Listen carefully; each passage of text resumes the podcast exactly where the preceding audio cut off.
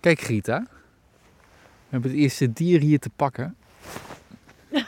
Denk je dat ik hem heb of niet? Steekmug? Nee, denk het niet. Het- ja, ik weet niet of het een steekmug is. Het is in ieder geval een muggetje. Ja, het zag er wel ik denk dat het een Oh, zie mannetje is. Ja. Ik denk dat dit mannetjes zijn. Die zitten zo bij elkaar.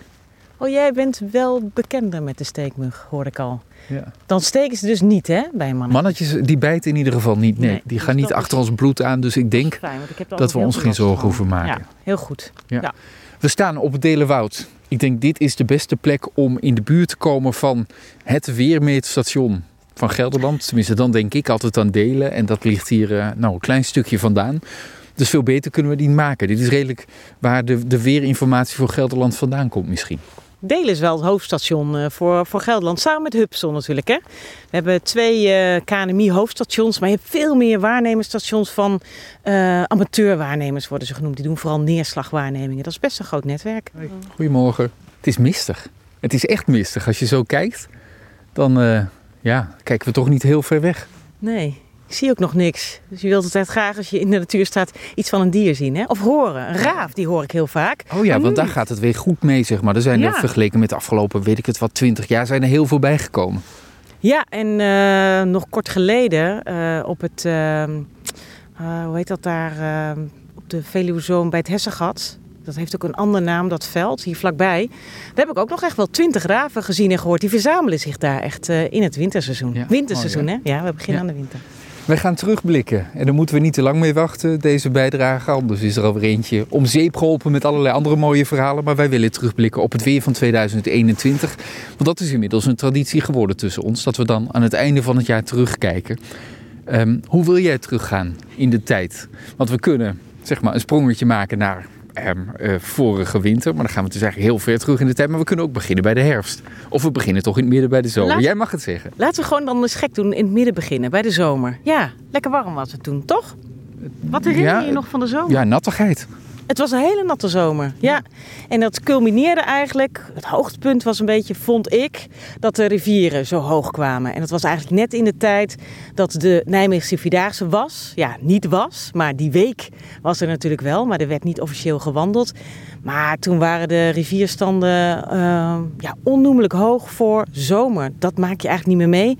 Hebben we ook goed kunnen zien dat de uiterwaarden het deden. Dat is ook altijd weer fijn. Het stroomde bij, in de buurt bij Nijmegen, eh, stroomde het echt behoorlijk hard. Maar toch werkte het. Ook die nevengul, het, het deed het allemaal. Dat was fijn.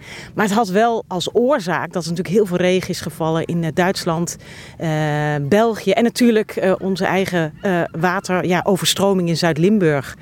Het was, een, het was een natte zomer. Ja, want Dat- daar had je geen uiterwaarden, dus daar deden ze het niet en meteen problemen daar bij de Maas. Ja, meteen problemen. Maar het is ook heel lastig. Want je denkt van ja, je kunt dat eigenlijk ook niet voorkomen daar. Hè? Want als je het wil voorkomen daar bij de Gulp, ja, wat moet je dan doen? Dan moet je al die cafés weghalen en alleen maar een stroomvlakte maken. En dan één keer in de 50, 80 jaar, dan, dan werkt dat. Maar wij willen natuurlijk. Het leuke van het Zuid-Limburgse landschap is nou juist die kleinschaligheid, de heuvels. En, en dat het allemaal zo leuk eh, meandert. En dat het gulpje zo leuk klein is. En Ja. ja, eens wordt die groot. Maar dat was wel een beetje een teken van de zomer, vond ik. Die hoge rivierstand geeft ook wel aan dat je een natte zomer had. En ik vond het heel opvallend dat eigenlijk in juni al de luchtvochtigheid zo hoog was. We hadden echt best wel dampige dagen. En die heb je normaal pas in de loop van juli en augustus, eigenlijk tijdens de hondsdagen. Dampige dagen ehm, in zomertijd, dus in een periode dat de temperaturen eh, hoog liggen, dan denk je ook aan flinke onweersbuien en zo. Zijn die er ook geweest? Die zijn er ook geweest, al moet ik zeggen dat de meest heftige Gelderland eh, voorbij zijn gegaan. We hebben natuurlijk gezien in Leersum, niet heel ver van Gelderland weg, in het rivierengebied. Daar is een eh, hele heftige valwind geweest aan het begin van de zomer. Daar zijn heel veel bomen omgegaan. Ik ben er een paar maanden geleden geweest. Een valwind die ons natuurlijk een beetje deed denken aan onze tornado's eh, van eh, Reden. En eh Velp en omgeving in, dat was juni 2019. Dus dat had gemakkelijk bij ons gekund. Ja. Ehm, we zijn aan het terugblikken en dat gaan we de komende twee uur ook nog verder doen. Ehm, normaal zou ik je aan het eind om een cijfer vragen, maar dit jaar is alles anders. Welk weercijfer zou je 2021 geven? Het is wel leuk, want vorig jaar vroeg je dat ook aan het eind. Toen heb ik volgens mij een 6 min gegeven voor de moeite. Voor de moeite ook echt. Ja, ik vond het, dat was zo saai. Dat was echt niks. Ah, dit jaar gaat echt een dikke vo- voldoende scoren. Misschien, ja, ik denk toch wel een 8 min eigenlijk. Ja.